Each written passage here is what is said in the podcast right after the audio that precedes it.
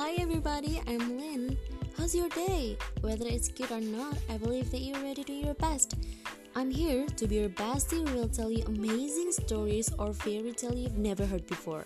When the things goes wrong and you need somebody to encourage you, or you want to sleep but you can't even close your eyes, just relax your mind and listen to Mac and Cheese stories.